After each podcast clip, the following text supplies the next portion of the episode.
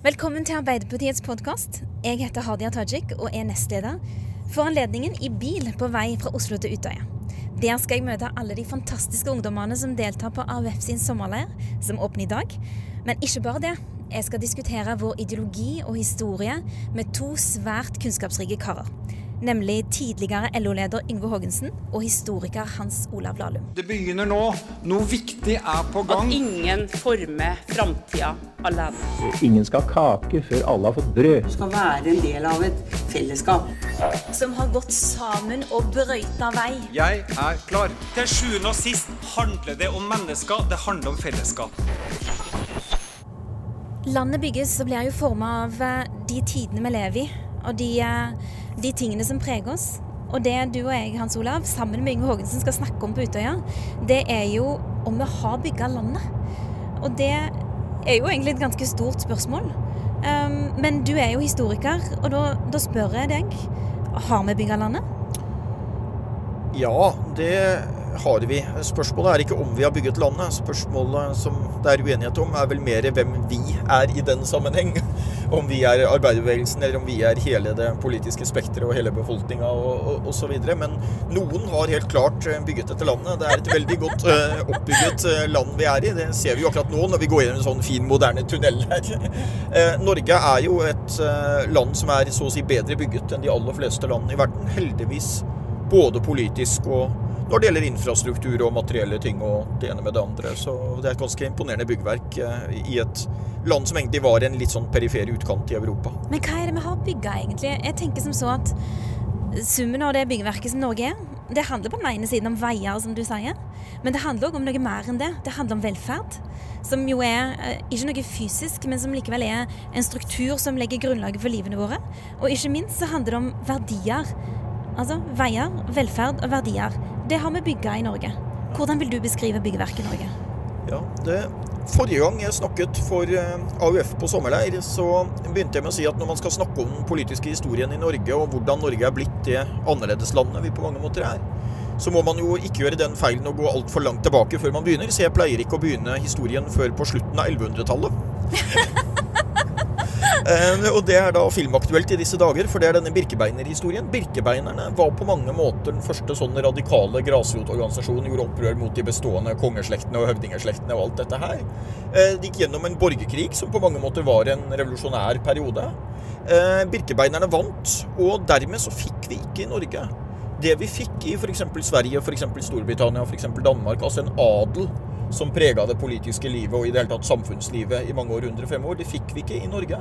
Så det var en del av den radikale arven som så kommer frem igjen i 1814 på Eidsvoll og kampen for eh, uavhengighet og, og, og, dette her. Så vi har en mer radikal arv i Norge, og vi har hatt et mer egalitært samfunn sånn sett. Et godt grunnlag for å bygge det vi har fått. Nemlig et moderne samfunn med gode muligheter for de aller fleste med relativt små forskjeller, selv om forskjellene er for små, og selv om det er veldig betenkelig at de har økt igjen de siste ti årene. Og selv om vi har en radikal arv som er felles eh, for oss alle sammen på tvers av de politiske partiene, så eh, var det likevel skillelinjer omkring 1814, tiden etterpå, eh, i de formative årene etter andre verdenskrig. Hvordan vil du beskrive de drivende kreftene på den ene og den andre siden da? Ja, altså 1800-tallet i Norge og Europa er på sett og vis et slags nasjonalismens århundre. Det det handler om på 1800-tallet, det er ikke et sånn høyre-venstre-skille i politikken som vi ser i dag, selv om det var samfunn med enorme forskjeller. Det var det nasjonale spørsmålet. Hvem skal ha en nasjonalstat, og hvor går grensene for den? Norge var jo en påtvunget union, først med Danmark og så med Sverige. Og i det øyeblikk i 1905, da, eh, da selvstendigheten var eh, fullført, da går vi på sett og vis inn i en ny fase som blir den store klassekampen. Altså Vi har fått nasjonalstaten. Nå er spørsmålet hvem skal ha makten? Eh, hvordan skal fordelingen være her, osv. Det er en liten rar historie på det, fordi i 1905 så blir Karlstad-forhandlingene fullført. Eh, også dagen etter det, når Norge endelig har fått eh, selvstendighet fra Sverige, så blir Håkon Lie født. Tilfeldig? Kanskje, men jeg tror ikke det. Eh, da er vi på full fart inn i en ny fase, som blir en klassekampfase. Og her blir jo da Arbeiderpartiet et veldig sentralt parti. Fordi Arbeiderpartiet hadde satt seg litt på sidelinja i det nasjonale spørsmålet og vært mindre interessert i det der spørsmålet om Norge skulle bli selvstendig stat og dette. Eh, sånn sett vært et parti forut for sin tid, fordi man var veldig opptatt av de interne forholdene mer enn av det ytre med nasjonalstaten og selvstendighet fra Sverige og det. Men når den kampen for selvstendighet da var over, så rykka selvfølgelig Arbeiderpartiet fram på den radikale sida, og det får jo veldig, veldig stor betydning for de neste ti årene. Beskriv den betydningen som Arbeiderpartiet har hatt. Det er klart at Arbeiderpartiet beveget seg jo litt fram og tilbake. Og Arbeiderpartiet var et veldig radikalt parti. Sammenligna med mange andre eh, sosialdemokratiske partier, eller Arbeiderpartiet, eller hva vi skal kalle det i andre land, så var Arbeiderpartiet i Norge eh, veldig radikalt. Man henta lederne, som man kalte de magre menn. De kom direkte fra arbeidsklassene, var oppvokst i de her trangbodde arbeiderboligene rundt i landet. Og den russiske revolusjonen prega også sterkere i Norge enn i eh, mange andre land. Fikk mer i grobunn her. Og du fikk jo denne historien hvor Arbeiderpartiet erklærer seg som et kommunistisk parti, på sett og vis går i allianse, får vi vel kalle det, med eh, dette eh, nye kommunistregimet i Moskva, Komintern og denne historien. Og så viser det seg at det ikke passer med demokratiet i Norge, og det massedemokratiet og det levende massedemokratiet man ønsker å ha i Norge. Eh, og så går man jo da ut igjen. Og så blir jo Arbeiderpartiet da, fra og med 1928, valget i 1927, det største partiet i Norge. og fra og med da våren 1928 så danner man jo, da danner man jo regjering for første gang. Og det er jo det partiet som kommer til å bli det regjeringsbærende partiet mesteparten av tida senere. Mm. Når, når, jeg snakker om arbeiderbevegelsens rolle i utviklingen av velferdsstaten, så, øh, så øh, merker jeg i hvert fall øh, altså en viss frustrasjon blant uh, høyresidens uh, fremste representanter. Um, for kort tid siden så eh, hadde en passiar med Kåre Willoch som ble dypt indignert over hele ideen om at Arbeiderpartiet skulle ha vært en sentral pådriver bak de sosiale reformene som vi har sett i dette landet. Um, hvordan vil du beskrive de eh, skillelinjene? Kanskje først få si at jeg fikk noen litt nye perspektiver på livet etter at jeg først hadde Eh, eh, først hadde sunget Internasjonalen sammen med Kåre Willoch. Det er det ikke så mange som har gjort. Eh, og så dessuten tekstanalysert den sammen med han. Hvor, Når skjedde dette? Det må vi få høre. eh, nei, det var vel i en selskapelig eh, anledning hvor det skulle fremføres sanger fra litt ulike leirer og litt ulik bakgrunn. Og Kåre Willoch sang glad med på Internasjonalen. Og så begynte vi å diskutere teksten etterpå, så var vi ikke helt enige, men det Nei, for alltid... han mente vel kanskje at teksten egentlig bygger opp under den konservative ideologien? Eller? For det er vel en passasje der som, eh, som eh, høyresiden har vært mer opptatt av enn eh, en Nei, andre? Han, han syntes at starten var helt grei, og så sa han vel noe om at når det kom det der med at alt det gamle vi med jorden jevner, da ble han straks mer skeptisk. Men jeg tror vi skal rose Kåre Willoch. Han er en mann som har forblitt veldig aktiv, veldig tenkende opp i høy alder. Eh, veldig reflektert, veldig interessant å diskutere med, selv om både du og jeg sikkert er uenige med ham på en del eh, punkter. Det er veldig fint at vi har en del sånne folk i alle partier, som forblir reflekterte og fortsetter også etter at de har gått ut av posisjoner, og kommer med eh, synspunkter og forteller ut fra sine erfaringer.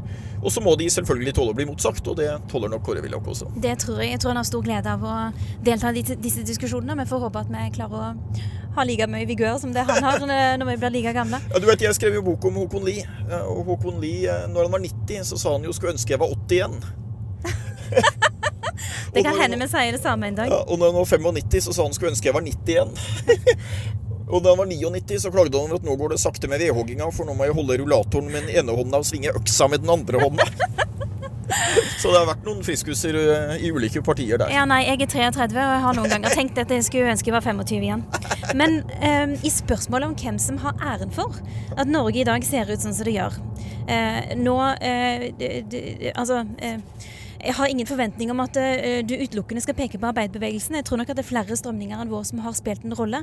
Uh, selv mener jeg at det er viktig å trekke fram at selv om dagens Venstre jo har lagt seg ganske langt til høyre i, det, i mange politiske spørsmål, bl.a. i arbeidslivsspørsmål, så vet man jo at det historiske Venstre var en viktig pådriver for mange sosiale reformer. At de bl.a. med Johan Castberg uh, har lagt viktige premisser for det velferdssamfunnet som vi har i dag.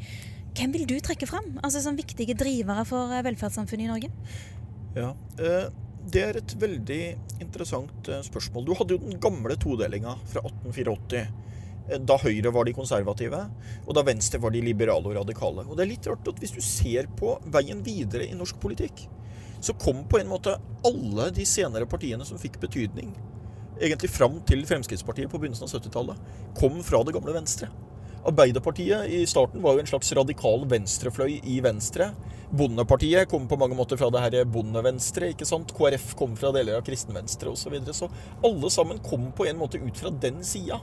Mens Høyre liksom forble det konservative partiet, så delte de radikale og venstresiden seg opp i, i eh, flere partier. Det var tidlige radikale stemmer i Venstre, ikke minst inspirert fra sosiale reformer i Storbritannia, hvor de liberale gjennomførte veldig mye på 1900- og 1910-tallet. Som så gikk videre til Norge gjennom en del venstrepolitikere som var inne på Castberg igjen. Gunnar Knudsen var jo også en statsminister som eh, på mange måter var progressiv og tilhenger av sosiale eh, reformer. Og Der spilte Venstre en viktig rolle. Og Så ble det jo med storhet sagt at Arbeiderpartiet var de som gjennomførte det Venstre på mange måter hadde planlagt og sagt at de skulle gjøre. Venstre ble splitta, fikk ikke den politiske kraften de trengte.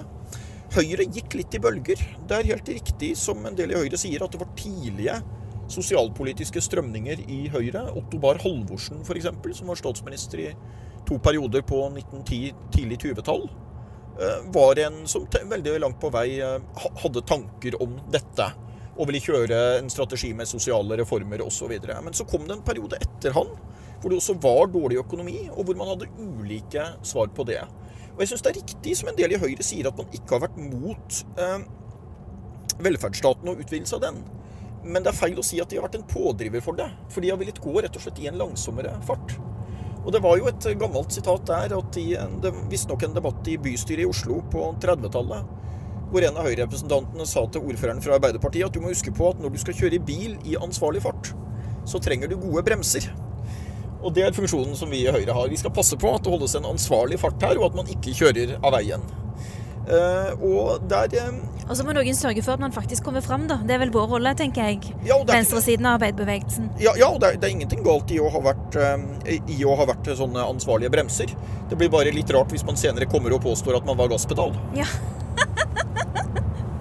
Så, så, så, eh, så det, Men jeg, tror også vi skal gi høyresiden og de borgerlige i Norge det at sammenligna med mange andre land, så har vi nok hatt mindre forskjeller der. Og eh, de har også de aksepterte jo etter hvert velferdsstaten og bygde videre på den. Det var på sett og vis den største triumfen til Arbeiderpartiet og venstresiden. At når man hadde startet opp velferdsstaten, gjennomført de tidlige ordningene osv., og, så videre, og når det så kom en borgerlig regjering, så gjorde de ikke noe forsøk på å reversere det, men tvert imot så bygde de videre på det og videreutvikla det til dels. Og det kan du jo tolke positivt for på en måte alle involverte partier. da Arbeiderpartiet hadde flytta norsk politikk kanskje to hakk til venstre. Etablert velferdsordninger og garantier for de som ikke var rike i befolkningen og ikke hadde vært privilegerte før, på en annen måte enn før. Og ingen prøvde å reversere det.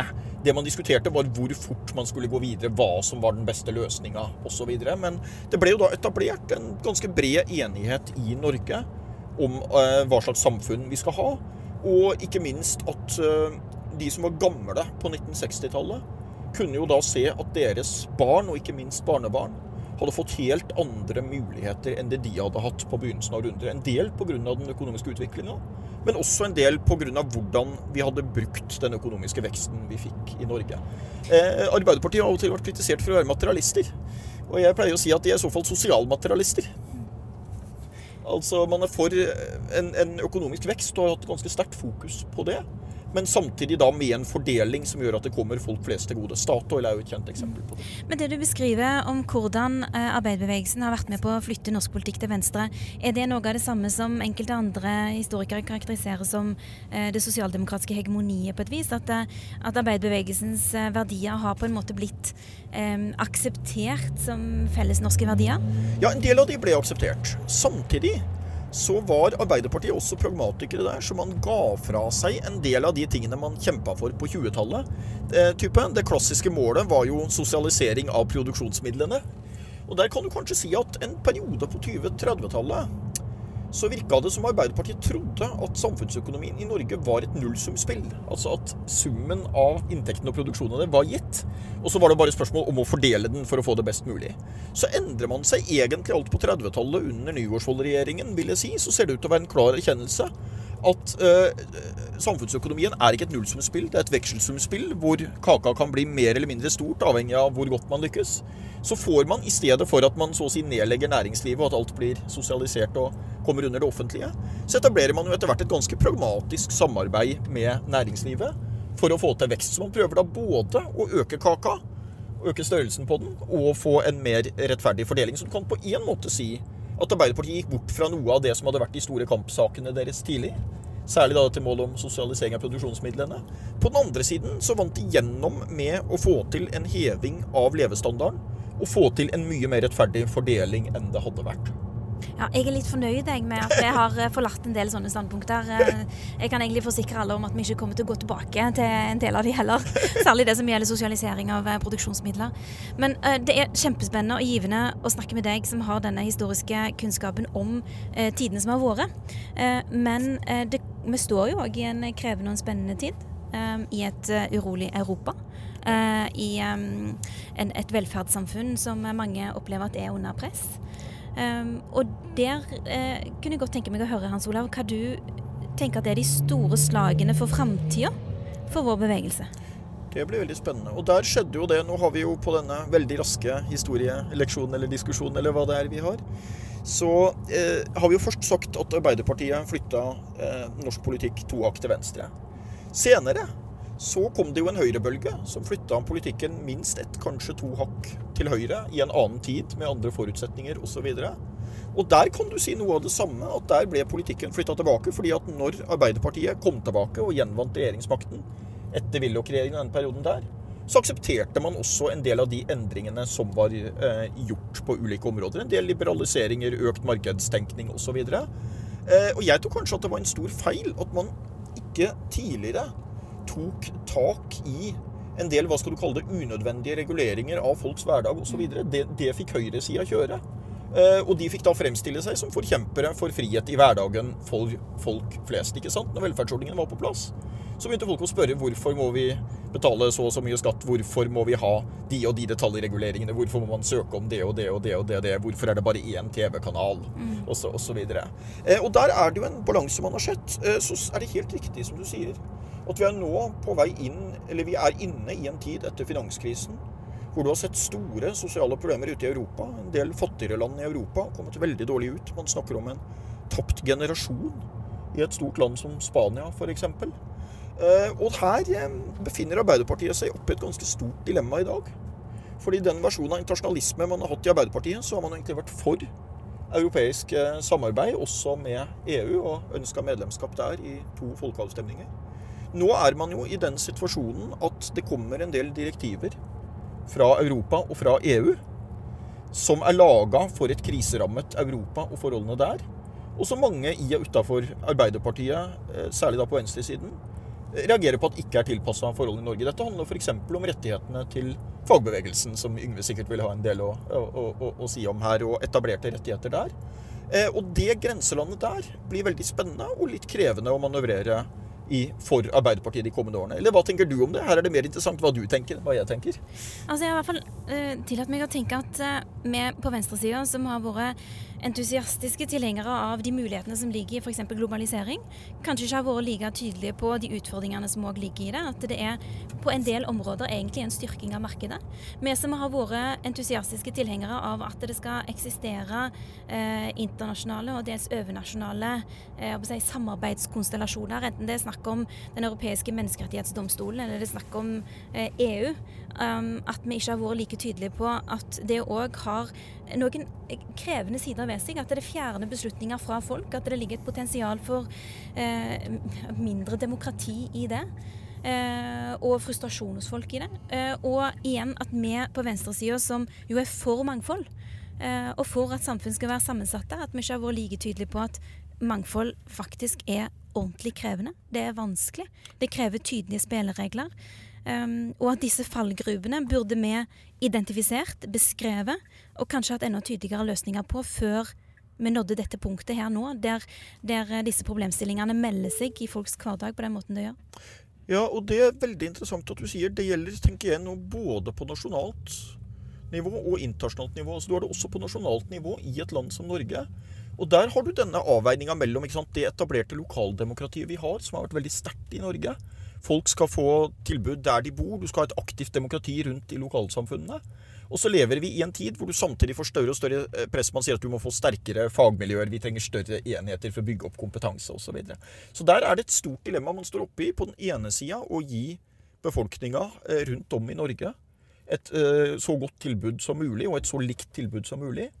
Og på den andre sida da å sikre at beslutningene ligger nærmest mulig folk, og at folk rundt i lokalsamfunnet har mulighet til å påvirke livet der. Det er et stort dilemma for Arbeiderpartiet, og for SV og for andre partier i Norge. Hans Olav, nå er vi framme på landsiden ved Utøya. Tusen takk for at eh, du ville være med på denne samtalen. Og selv om denne podkasten da eh, nærmer seg slutten, så vil jo samtalen vår fortsette både på Utøya og på andre arenaer. Ja, vi skal kjøre tilbake igjen etterpå også, så vi kommer nok til å fortsette å diskutere her. takk, takk for at jeg fikk komme. Takk for at dere hørte på.